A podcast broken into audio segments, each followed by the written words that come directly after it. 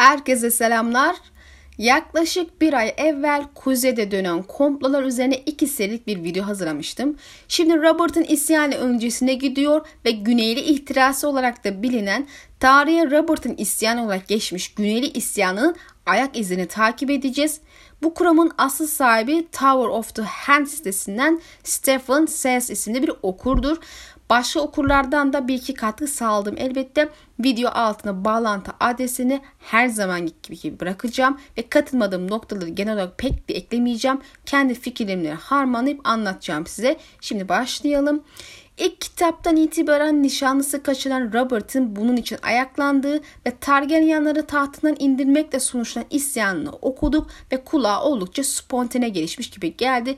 Yani neticede eğer Rhaegar Lyanna'ya kaçırmasaydı bu isyan asla olmaz. Targaryenler de tahtında oturuyor olur diye yorumladık yahut Brandon ve babası Kızıl Kale'ye gitmek gibi akılsızlık etmeseydi ölmezlerdi ve Ned de bu durumdan tetiklenip savaşmaya karar vermezdi gibi gibi gibi. Beşinci kitaba gelip Theon'un kışları bölümleri okuduğumuzda ise durum bir anda tersine döndü. Lady Dustin olarak bilinen Kuzeyli bir lady ki kendisi kışlarının asıl varisi Brandon Stark'ın sevgilisiydi. Regal Stark'ın Güneylilerle birlikte bir hırsa kapıldığı, oğlunu ve kızını bu uğurda Güneylilerle nişanladığına dikkat çekti. Konuya doğrudan giriş yapmadan önce Lady Darcy'nin bu konuda söylediği her şeyi onun ağzından tekrar bir hatırlayalım. Sana yemin ederim ki Brandon Catelyn'i asla istemedi. Birlikte geçirdiğimiz son gecede bunu bana söyledi. Ama Rickard Stark'ın da büyük ihtirasları vardı. Varisinin kendi tebaasından birini kızıyla evlendirerek gerçekleştiremeyeceği güneyli ihtiraslar. Üstad Medrick Bolton'un kulağına bir şey fısıldamak için tek dizin üstüne çöktüğünde Lady Dustin'in ağzı tiksintiyle büküldü. Eğer kraliçe olsaydım yapacağım ilk şey şu Greyfriar'ları öldürmek olurdu. Her yerde dolaşıyorlar. Lordların artıklarıyla yaşıyorlar. Birbirleriyle çene çalıyorlar. Efendilerin kulaklarını fısıldıyorlar. Ama gerçekte kim efendi, kim hizmetkar. Her büyük lordun bir üstadı var. Her önemsiz lord bir üstad arzu ediyor. Eğer bir üstadın yoksa ehemmiyetsiz sayılıyorsun.'' Griffiler mektuplarımızı yazıyor ve okuyor. Okuma yazını bilen lordlar bile onları kullanıyor. Kelimeleri kendi çıkarları için çarpıtmadıklarını kim kesin olarak söyleyebilir? Bu fareler ne işe yarar sana sorarım. Şifa verirler dedi Theon. Bir cevap vermesi bekleniyordu. Şifa verirler evet akıl olmadıklarını asla söylemedim. Hastalandığımızda ve yaralandığımızda bizi tedavi ederler. Yahut bir ebeveynin ya da çocuğun hastalığı için perişan olurlar en zayıf ve en savunmasız anlarımızda oradadırlar. Bazen bizi iyileştirirler. Onlara gerektiği gibi minnettar oluruz. Başarısız olduklarında bizi teselli ederler ve biz bunun için de minnettar oluruz. Şükran duygusu onları çatılarımızın altında bir yer veririz ve onları bütün utançlarımıza, sırlarımıza, meclislerimize ortak ederiz. Ve çok vakit geçmeden yöneten, yönetilen olur. Lord Rickard Stark'ın başına gelen şey buydu. Onun Griffiths'in adı Üstad Welles'ti. Üstadların tek isim kullanması çok zekice değil mi? Hisar'a ilk gittiğinde iki isim olanlar bile tek isim kullanıyor. Bu sayede kimin gerçekte kim olduğunu ya da nereden geldiğini bilemiyoruz ama yeterince kararlıysan yine de öğrenebilirsin. Üstad Wallace zincirini dövmeden önce Wallace çiçek olarak tanınıyordu. Çiçek, tepe, nehir, kar. Bu çeşit isimleri gayrimeşru çocuklara veririz onları işaretlemek için ama onlar bu isimlerden çabucak kurtulurlar. Wallace Çiçek'in annesi bir Hightower kızıydı. Söylentilere göre babası da Hisar'ın aile üstadlarından biriydi. Greyfriar'lar bizim sandığımız kadar namuslu değiller. Eskişehir üstadları hepsinden daha beter. Wallace zincirini dövdüğünde adamın gizli babası ve arkadaşları onu hiç vakit kaybetmeden kış yerine gönderdiler. Lord Gickard'ın kulaklarını bal kadar tatlı, zehirli sözlere doldurması için. Tale evliliği Wallace'in fikriydi. Bundan asla şüphe etme. Wallace Bolton sözünü kesince Dustin'in sözleri bitmedi. Orada kaldı ve doğal olarak da biz Varys ve yaptıkları hakkında daha fazlasını öğrenemedik. Martin seriyi bittiğinde e, bitirdiğinde isyan hakkında cevaplanmamış soru olmayacağını söylediği için Lady Dustin'in başka ne biliyorsa söyleyeceğini hatta sen bölümleriyle de daha fazlasını öğreneceğimizi düşünüyorum. Bu pasajları okuduktan sonra Robert'ın isyanı artık gözümüze böyle plansız, programsız, spontane gelişmiş bir ayaklanma gibi görünmemeye başladı. aksine uzun yıllarda devam eden Güneyli komplosunun sonucu gibi görünüyor. Kral Aerys'in paranoyak olduğunu ve her yerde düşmanları gören delinin teki olduğunu biliyoruz ama isyan meselesindeki korkusu ve bu konuda onun kulağına fısıldanan şeyin artık paranoyadan ibaret olmadığını söylemek mümkün gibi görünüyor. Bildiğiniz üzere 9 kuruşluk kralların savaşında birçok lord ve genç şövalye bir araya geldi. Bu da bir çeşit dostluk başlattı. Buz ve Ateşin Dünyası kitabından alıntı yapalım şimdi. Birkaç yıl önce 9 kuruşluk kralların savaşında birlikte savaştığı için birbirlerini normalden daha iyi tanınan birkaç büyük lord var. John Arryn, Stephen Baratheon, Rickard Stark, Hoster Tully ve Tywin Lannister hepsi savaş arkadaşıdır. Buna o dönem yaver olan Aerys Targaryen'ı da katmak gerekir aslında. Aerys, Stefan ve Tywin üç genç olarak yakın dost oldular. Diğer lordların dostlar olduklarını, dostluklar kurdukları söyleniyor alıntıda. Hatta bir bilgi daha paylaşayım. Konu ile doğrudan ilgisi yok ama ek bilgi olarak meraklısına. Hoster Tully, Petra Balish'in babası Lord Baelish ile de bu savaşta tanıştı ve dostluk kurdu ve ne olduğu bilinmez ama baba Baelish'in Lord Tully'ye bir hizmette bulunduğu ve bunun karşılığında da Hoster'ın oğul Baelish'i Nehir vesayetine aldığı bilinir. Bu vesayet meselesi lordlar arası siyasi ilişkileri geliştirmek için Orta Çağ Avrupa'sında mühim olduğundan aynı kültür üzerine kurulu Asoyaf'ta Baba Baelish'in neden böyle bir karşılık ile hizmetine geri ödeme istediği anlaşılabilir bilir. Bu hizmetin konumuzla alakası var mı gerçekten bilmiyorum ama var ise muhtemelen ileride ortaya çıkacaktır. Savaştan birkaç yıl sonra da John Arryn, Stephen ve Rickard'ın oğullarını vesayetine kabul etti. Brandon Lord Tully'nin büyük kızı Catelyn ile nişanlanırken Stephen'ın büyük oğlu da Robert Lord Stark'ın tek kızı Lyanna ile nişanlandı. Daha sonra John Arryn de Hoster'ın küçük kızı Liza ile evlenmişti. Bu evlilik gerçekleşmeden hatta ortada esamesi okunmadan evlen Tywin Jamie'yi Liza ile evlendirmek için Hoster Tully ile görüşüyordu ama Aerys'in Jamie'yi kral muhafızına aldığı duyulması tabii ki işi bozdu. Vesayet meselesinin önemi tamam hatta evliliklerde doğaldır. Genelde Westeros kraliçeyi büyük haneler arasında çöp çatanlık yaparak evlilikler ayarlar ve böylece ilişkileri dengeler olası düşman haneler arasında barış olmasını sağlar vesaire. Ayrıca kral otoritesini de güçlendirmiş olurdu. Bu sebeple aslında bu büyük hanenin vesayet ve nişan meselesiyle ilk aşama oldukça evlenmesi vesaire nişanlar oldukça sıradan gözüküyor. Bilhassa güneyler arasında gerçekleşenler ama kuzey için bu birazcık sıra dışı. Yani kuzeyin güneyden kaç kişiyle böyle ilişki kurduğunu biliyoruz ki yani tarihte çok sınırlıdır. Kraliçe Alicent'ın teklif ettiğinde Lord Stark inanç mensubu gelin istemediğini mesela açıkça ifade etmişti. Aslında güneyli büyük haneler arasındaki çocuk alışverişi de birazcık sıra dışı kabul edilebilir. Eğer evliliklere ve vesayetlere dikkat ederseniz bunlar genelde kendi bölgelerindeki sancaktarlar azam notlar arasında gerçekleşiyor. İşte mesela Lord Tyrell sancaktar olan Hightower kızıyla evlenmiştir. Yahut Hoster Tully de gene sancaktar olan Vent kızıyla evlenmiştir. E, Jamie yaverliğini babasının sancaktar olan bir hanenin lordunun yanında yaptı. E, Brandon da Starkların sancaktarı olan yaşlı Lord Darcy'nin yanına himaye edildi. E, Prens Doran bile oğlu Quentin'i sancaktar sancaktarlarından birinin yanına gönderdi. Hatta bunu temelde Oberyn'in yedi nane yüzünden sancaktar ile olan husumeti ortadan kaldırmak için yaptı. Yani gördüğünüz gibi krallıklar arası vesayet ve evlilikte hiç görülmemiş bir şey olmasa bile lordlar genelde ağırlıkta sancaktarlarını hizada tutmak, olası bir pürüzü düzeltmek yahut sancaktarların hırs yaparak kızlarını sonraki azam lordu ile evlendirerek konumunu yükseltmek gibi çeşitli amaçlar için bu evlilik vesayet yaverlik meselelerini kullandıklarını görüyoruz. Kısacası büyük lordlar ağırlıkta kendi krallıklarının iç siyasi dengelerini düzenlemek için bu evlilik himaye işini yapıyorlar. Krallıklar arası evlilikler genelde hani düşman olanların barış yapması içindir yahut ittifaklık kurmak içindir. Ama niçin ittifaklık kuracaksın? İşte konuda zaten bu. Bu sebeple yıllar evvel krallıklar arasındaki azam notlar arasında yapılan bu himaye ve nişan meselesi biraz sıra dışı bir durum. Hem de bu kadar yoğun bir şekilde birbiriyle iç içe geçmiş bir halde. Yani bir iki tane hariç aynı anda tüm azam lordları evlilik, himaye gibi şeylerle aralarındaki güçlü bağlar kurmaya başlamışlar. Bu fazla göze batan, fazla dikkat çeken bir şey bence.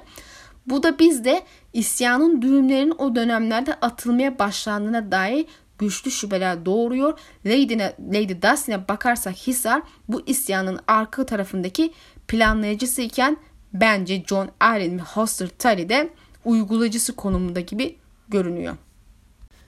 Hisar'ın lordlar arasındaki iletişimi ve fazlasını Veles gibi üstadlar aracılığıyla idam ettirdiğini öngörmek güç değil. Veles zincirlerini kazanır kazanmaz hızlıca Lord Stark'a gönderiliyor.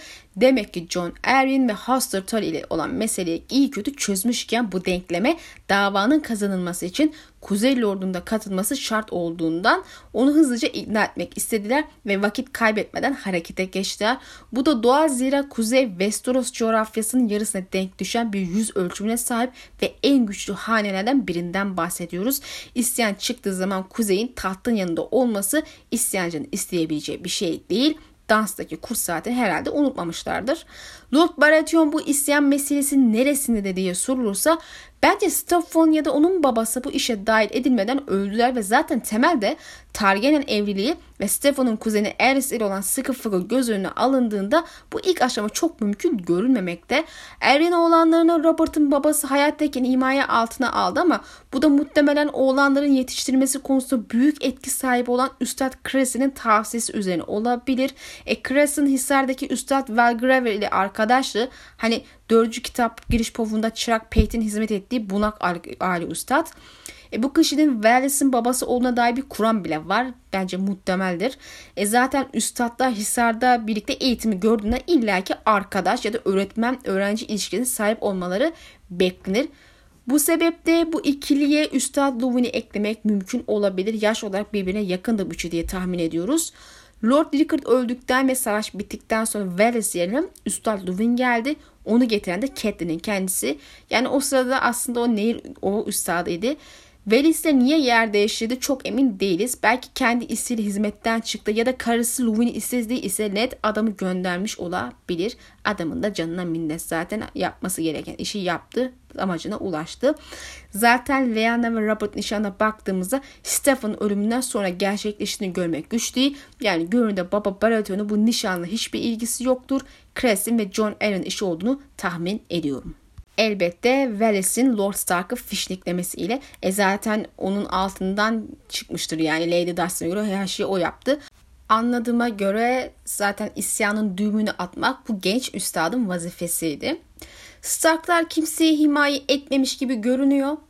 En azından bahsetmesi beklenirdi kitaplarda ama Brandon ve Albert e, arkadaşmış gibi görünüyor.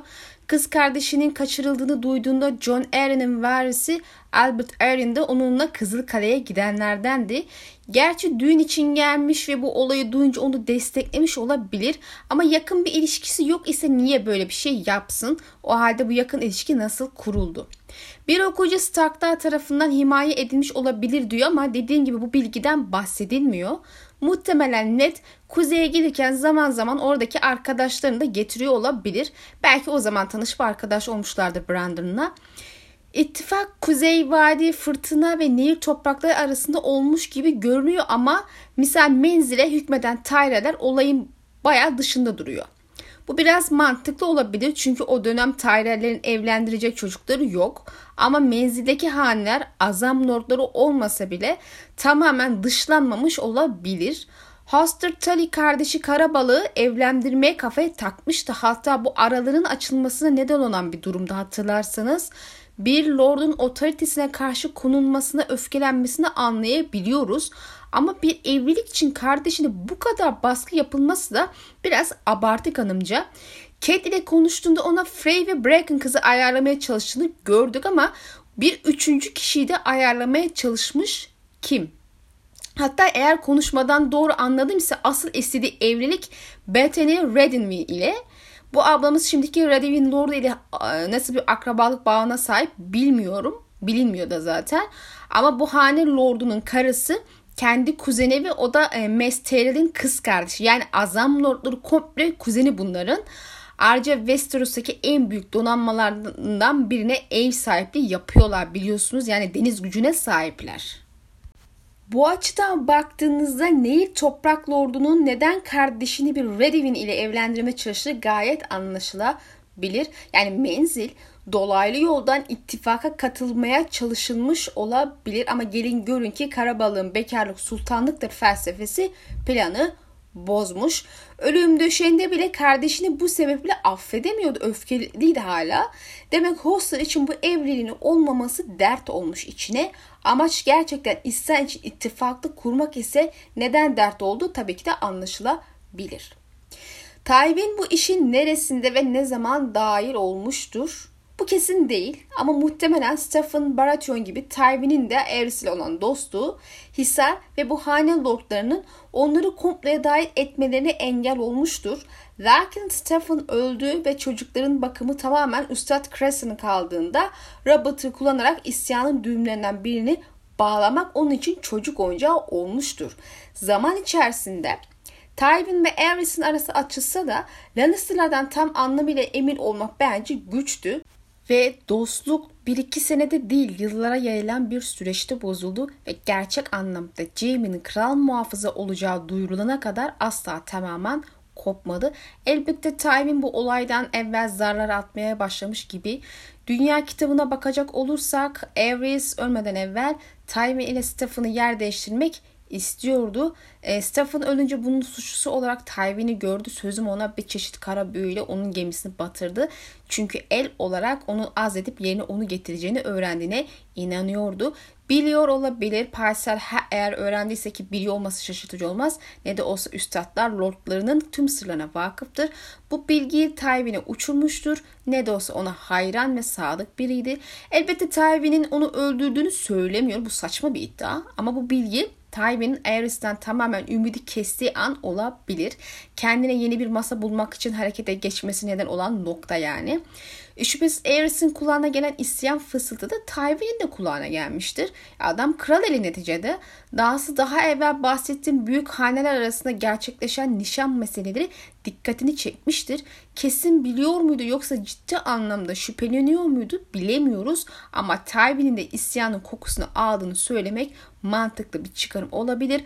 Aksi halde aşırı gururlu ve kibirli Lannister ne diye azam notlar arasında en sünük hanenin kızıyla evlilik ister.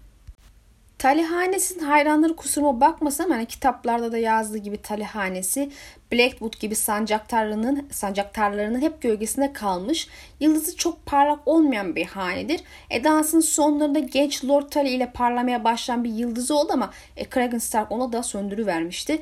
E, Martin Tywin'in kuzeni Joanna ile evlenmesinin nedenin aşk olduğu kadar kuzenlerden biriyle evlenerek olası aile içi rakiplerin sayısını azaltmak amacı da güttüğünü ifade etmişti. E, biliyorsunuz Frey sonrası en kalabalık hane Lannister'lar dese çok yanlış olmayacak. E, bu sebeple Tywin için en mantıklı hareket bu mantığı devam ettirerek aile içindeki rakip sayısını azaltarak Jamie'yi kuzenlerinden biriyle evlendirmesi olurdu. Yahut kendi sancaktarlarından biriyle veya işte Hightower gibi çok güçlü, köklü ve zengin bir aileyle. E bunun yerine gidip Liza Tully'yi seçti. Hani neresinden bakarsınız bakın Tywin gibi gurur abidesi biri için anlamsız bir seçim ki Martellere bile burun kıvırmış adam bu ki yani e, prens unvanı insan bunlar yani boş değil. E bu da dediğin gibi muhtemelen isyan masasında yer almaya çalışıyordu ama Aerys bunu mahvetti. Elbette şu sorulabilir o halde Cersei Edmund Tully ile evlendirseydi. Bence Tywin o sıralarda ikili oynuyordu. Yani olan bitenlerden tamamen emin değildi, şüphe ediyordu ve ileride neyin nasıl gelişeceğinden çok da emin değildi. Bu sebeple bir nevi yedek planlar yaparak taşları rahat manevra yapacak şekilde dizmeye çalışıyordu. Cersei bir umut hala Rhaegar ile evlendirme amacı olduğunu düşünmek için yeterli sebebim var. Onu başkente getirip Rhaegar'ın gözünün önünde tuttuğu ortada.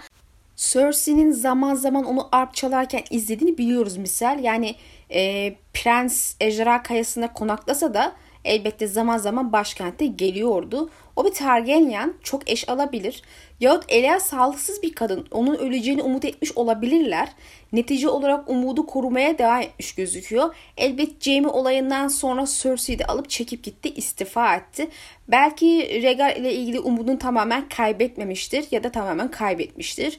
Ee, tekrardan bir şekilde hani evlendirmek için yolunu arıyor olabilir. Hani baba oğlun arasının iyi olmadığı bilinen bir şey sır değil. Ve prensi desteklemek için kızı ile evlenmesini şart koşmayı düşünmüş olabilir olası bir taht değişimi için. E zira Jamie ile olan prensin son konuşmasına bakarsak prensin konseyi toplayıp değişiklikleri niyetlendiği ortada. Zaten isyan sırasında Kaya'nın uzunca sessiz kalıp rüzgarın yönünü tespit etmeye çalışması benim anlattığım şeyde bir işaret gibi. Tywin'i harekete geçiren asıl şey Rhaegar'ın ölümü oldu. Yani onun için mihenk taş muhtemelen kral olması beklenen Rhaegar'ın ölümüydü. Eğer prens hayatta kalsaydı zafer kazansaydı bu sefer prense yanaşmak ve anlaşmak için harekete geçecekti. Hatta belki kızını ortaya koyacaktı diye düşünüyorum. Tywin'in kızını ne olursa olsun kraliçe yapmak istediğini biliyoruz. Bu yönden Tyrell'ler ve Lannister'lar gerçekten birbirine benziyor. Dontos haklıydı. Netice olarak Hisar Vallis aracılığı ile Everest'e karşı isyan için azam notlar arasında evlilikler hatta bence vesayet ilişkileri kurdurarak haneler arası bir ittifak kurdu. Ee, böylece evlilik ve vesayet ile ilişki kurup birbirine bağlanmış dört krallık vakti geldiğinde tüm güçlerini birleştirmiş olacaktı.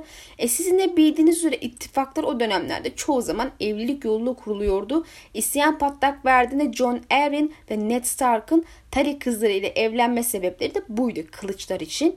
Görünürde isyanın sebebiyle hiçbir bağ olmayan Nehir topraklarını davalarına katmak için evlilik gerekiyordu. Elbette hiç gerçekleşmemiş evlilikler de tamamen erseydi daha güçlü ve birleşik bir kuvvet doğmuş olacaktı.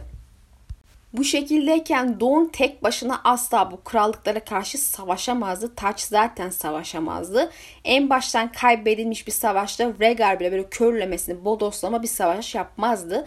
Bu da bizi isyanın olası nedenleri, arka planı ve amaçları konusunda konuşmaya itiyor. Birazdan söyleyeceklerim tamamen olasılıklar üzerine kendi fikirlerimdi ve kitaplardan doğrudan kanıtlar yoktur. Sadece temellendirebileceğim bir iki noktası var o kadar. Yaygın bir görüşe göre bu isyancının arkasında Prens Rhaegar var.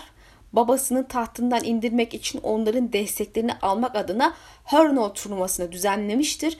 Dünya kitabında turnuvanın arkasında gizemli bir kişiden bahsediliyor. Bu söylentiler o dönemde konuşmuş birden fazla kişiden bahsedilmiş ama prens en önde gelen adaydı. Ben turnuvanın prens tarafından düzenlendiğine inanıyorum. Vent hanesi Lannister'lardan bile daha yüksek meblağlı ölüler dağıtacak kadar zengin değiller. Zaten nispeten genç bir haneden bahsediyoruz. Prensin kral muhafızı arkadaşı Sir Ozil Vent ağabeyini ziyaret ettikten sonra bu turnuva duyuruluyor. Demek ki prensin emriyle bu karar alındı. Kral bu turnuvanın ona karşı komplo için olduğu görüşündeydi. Bu yüzden katılma kararı aldı ve herkes uzun yıllar sonra ilk kez Deli Kral'ın dönüştüğü şeyi tam anlamıyla gözleriyle gördüm. Eğer prens iddia edildiği gibi babasına dönüştüğü şeyi diyara gösterip lordların ve halkın desteğini almak istediyse bu ilk aşama başarılı bir plandı zira milletin şok geçirdi ne hacet. Deliliğinin iyice dışına yansıdığını gördüler. Prens bunu istemiş olabilir. Ama babasının katılmama ihtimali de vardı kanımca. Çünkü korkudan dışarı yıllardır adım atmadı ve turnuvaya engel olup oğlunu da ihanet şüphesiyle idam etmeye çalışabilirdi ya da valislikten atabilirdi. Çünkü çevresindeki dal kavuklar tam da bunu söylüyor ve valislikten çıkma, çıkarmasını tavsiye ediyordu. Eğer yeni kral ele ikna etmeseydi turnuvaları bile yasaklayacaktı.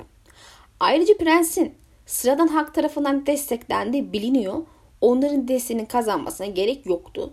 E diğer lordlar da görünce zaten evliliklerle ittifak kurmuşlar bile evvelden.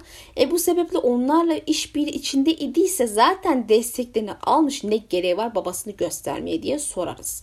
Bana kalırsa Regal kesinlikle babasını tahtından indirmek istiyordu ama bunu konseyi toplayarak yapacaktı. Lakin bu muhtemelen çaresini aradı bir şeydi uzunca bir süre. Çünkü sarayda Erisçiler ve Regarcılar diye ikiye bölünme vardı ve üstadlara göre bu dans öncesi bölünmeye benziyordu. Yani Robert isyan etmeseydi bir ihtimal ikinci bir dans görebilirdik bile. Bu sebeple bu isyan prensin elini güçlendirmiş olmalı. Bu şekilde isyanı sonlandırdığında her şey lehine dönecekti ve konsey ile babasını tahtından indire bilecekti. Lakin en başından planlandığının tabii ki isyan olduğunu sanmıyorum. Yani isyan çıkarsın diye plan yapmadı. Deli Kral'ın kulağına fısıldanan isyan komplo sözlerinin temelsiz olmadığını kabul ettiğimizi farz ediyorum.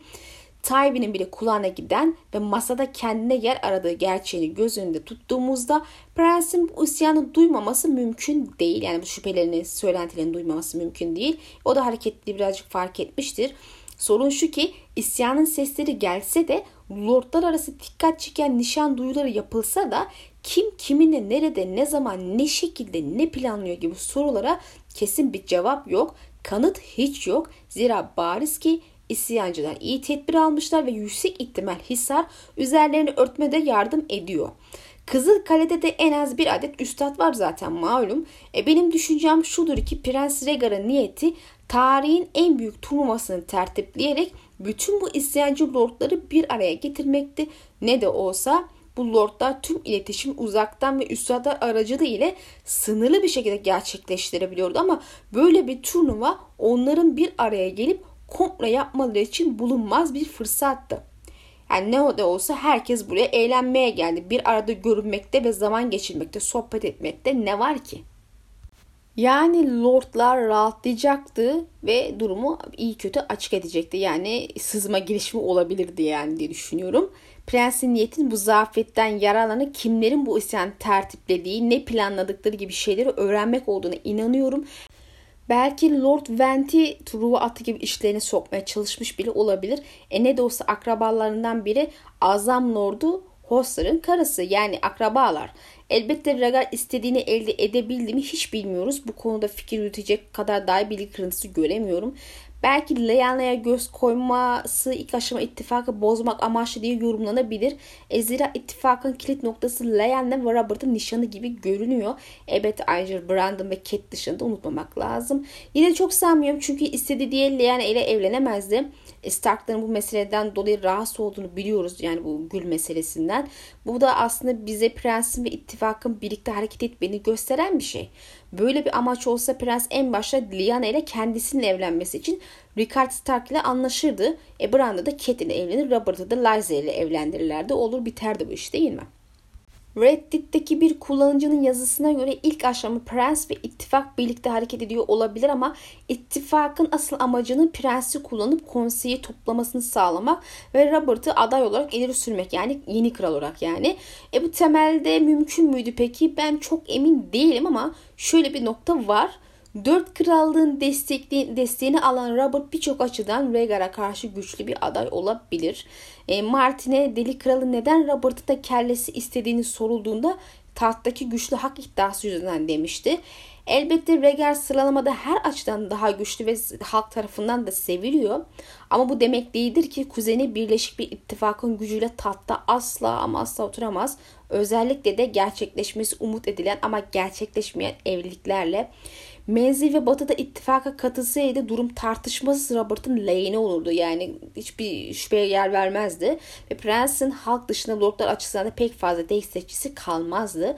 Bu ittifakın niyeti Robert ya da başka bir adayı tahta geçirerek hanedan değişikliği yapmak ise bu kadar güçlü bir ittifak kurarak kansız bir şekilde bu değişimi gerçekleştirmek istemiş olabilirler. Çünkü dediğim gibi öngördüğümüz bütün evlilik planları gerçekleşmiş olsaydı Dorn ve Demir Adalar dışında tüm krallık evlilikle ittifak kurmuş, akraba olmuş ve istediği değişikliği yapabilecek güce kavuşmuş olurdu. E Targaryen o zaman direnme şansı bana kalırsa olmazdı. Bu da bize diğer kısma getiriyor. Neden? Yani neden isyan edip Targaryen'i tahtından indirmek istediler? Son 150-200 yıla bakarsak dans ile başlayan süreçte diyarda gerçekten de iç savaş ve isyanlar oldu. İşte diğer her geçen gün istikrarsız hale gelmeye başladı. Gerçi ile de bu durum pek düzelmedi. E bununla beraber 5. Aegon halkçı bir kraldı ve lordların aleyhine halkın lehine değişimler yapmaya niyetliydi. Lordlar buna direndi ve sinirlendi. Üstüne ejderhaları geri getirme planı ve yaşanan felaketi unutmamalıyız. Yani 5. Aegon iyice işin tuzu biberi olmuş olmalı Targaryenlere yönelik hoşnutsuzlukta diye tahmin yürütebiliriz. Onun yaptıklarını geri alarak lordlar arasında prestijli hale gelmişti ilk aşama hatta. Elbette bu tırnak arasında rahatsız lordlar kim bilgimiz yok ama varlar. Muhtemelen tamamı Güneylilerden oluşuyor. Çünkü Kuzey genel olarak her zaman güneyde olan bitenlere karşı sıfır ilgi politikası gidiyor gözüküyor. Ve çok ender orada olanlarla ilgilenip dahil oluyor. En büyük dahili zaten dans ve kurt saatiydi. Daha sonra da Beş Kral'ın savaşıydı. E, tabii aradaki o isyanı unutmamak lazım. Lord Stark'ın ittifaka dahil edilmesi için yanına üstad gönderilip hırsını perçinleme görevi verilmesi onun olaya sonradan dahil edildiği izlenimini veriyor. Fazla dağıtmaya, dağıtmadan ilerlersek e, Targaryenlerin yönetim sistemi ejderhaların üzerine kuruldu ve bu da zayıf bir merkezi yönetim doğmasına sebep oldu. Yani hanedanın varlığı ejderhaların varlığı üzerineydi ama onlar ölünce hanedan da kan kaybetmeye başladı ve gerek iç savaş gerekse Blackfire isyanı gibi olaylar lordları bıktırmış olmalı.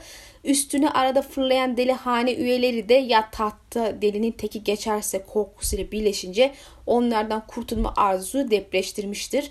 5. Aegon'da hakimiyeti sağlamlaştırmak ve lordların gücünü elinden almak için ejderhaları geri getirmeye çalışınca e, gerek büyüden nefret eden Hisar için gerekse lordlar için tehlike sinyali çalmış olmalı. Çünkü ejderhalar doğarsa her şey başa döner ve Targaryenlere karşı çıkamazlar.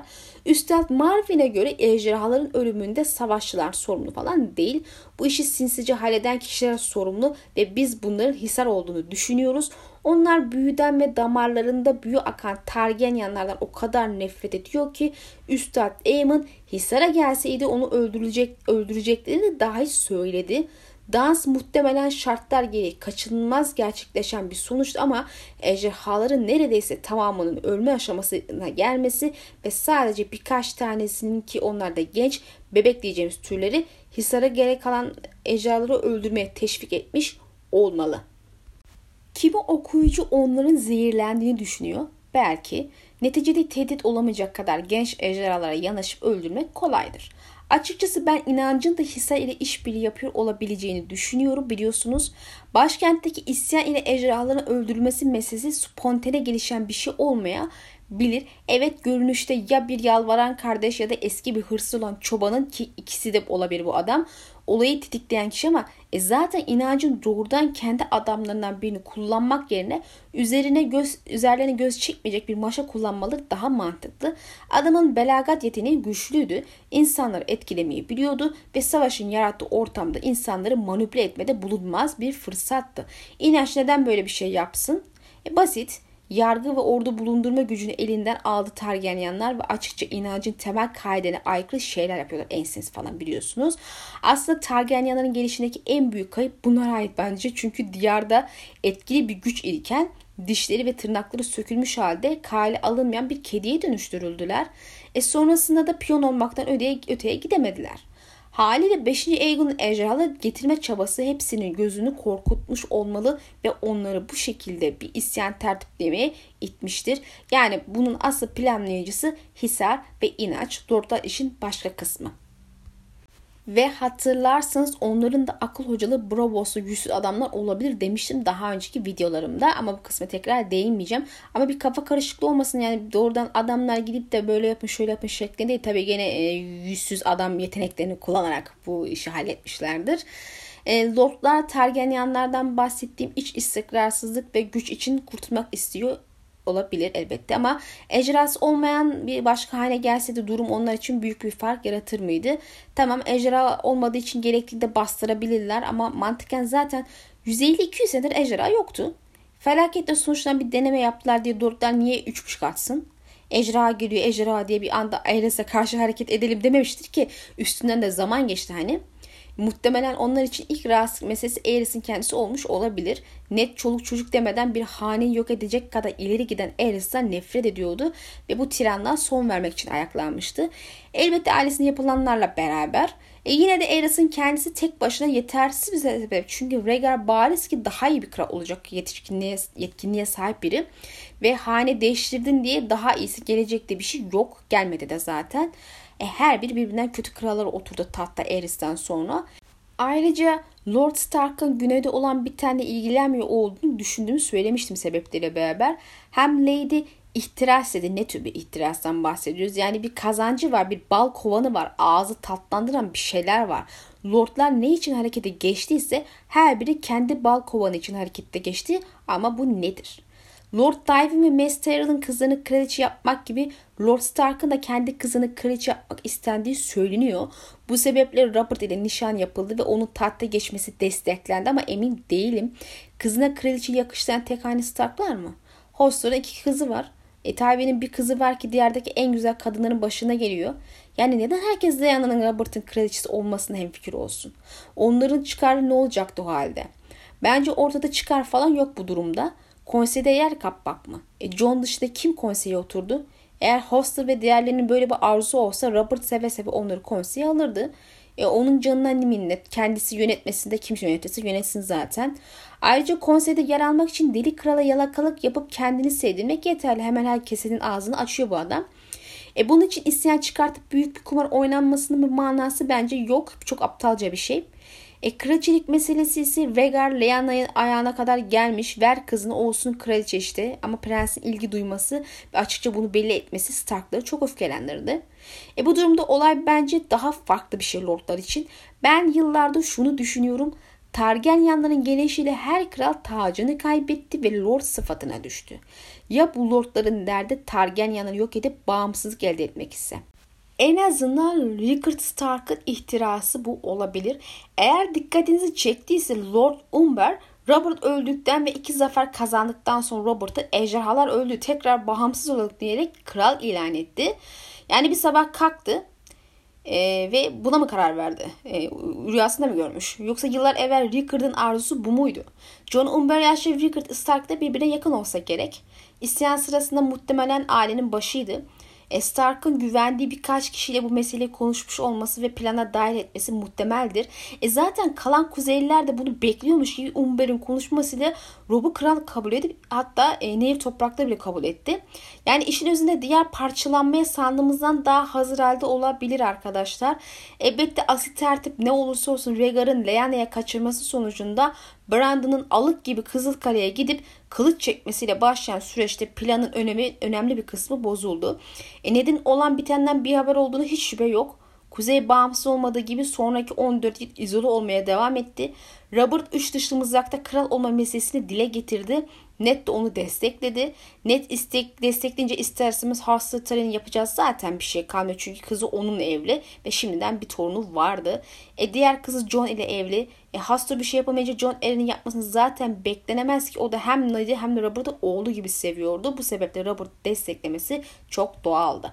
E geriye de pek bir şey kalmadı zaten. Robert kral, ol, kral olacağını ilan edip bir şey bilmeyen Ned de onu destekleyince Lord Rickard'ın muhtemel arzusu e, gerçekleşmesi e, 15 seneyi buldu.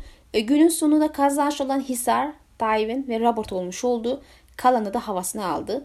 15 sene sonra da zaten diyarda gene, gene savaş çıktı ve şimdi iyice parçalanmaya doğru ilerliyor. Yani temelde diyarın kendisi zaten sorunlu eğer isyan tertiplendiği şekilde başlayıp sonlansaydı ve diğer tekrar yedi krallık olsaydı, ayrı krallık olsaydı nasıl olur da hayal edebiliyor musunuz? Çok farklı bir roman okuyor olurduk. John'un köklerini öğrendiği ve diğer tekrar birleştirip kral olmak için adım attığı bir hikayede çok güzel olurdu bence. Diğer tarafta işte Deni aynı amaçla geliyor. Böyle bir şey ben mi yazsam Martin'den önce falan ne yapsam? Martin'den daha hızlı yazar mıyım bilmiyorum neyse. Videomuz burada sona erdi arkadaşlar. Son bölümde söylediğim fikirler en başta uyardığım gibi tamamen kendi fikirlerimde ve kesinlik yoktur. İnşallah keyif almışsınızdır.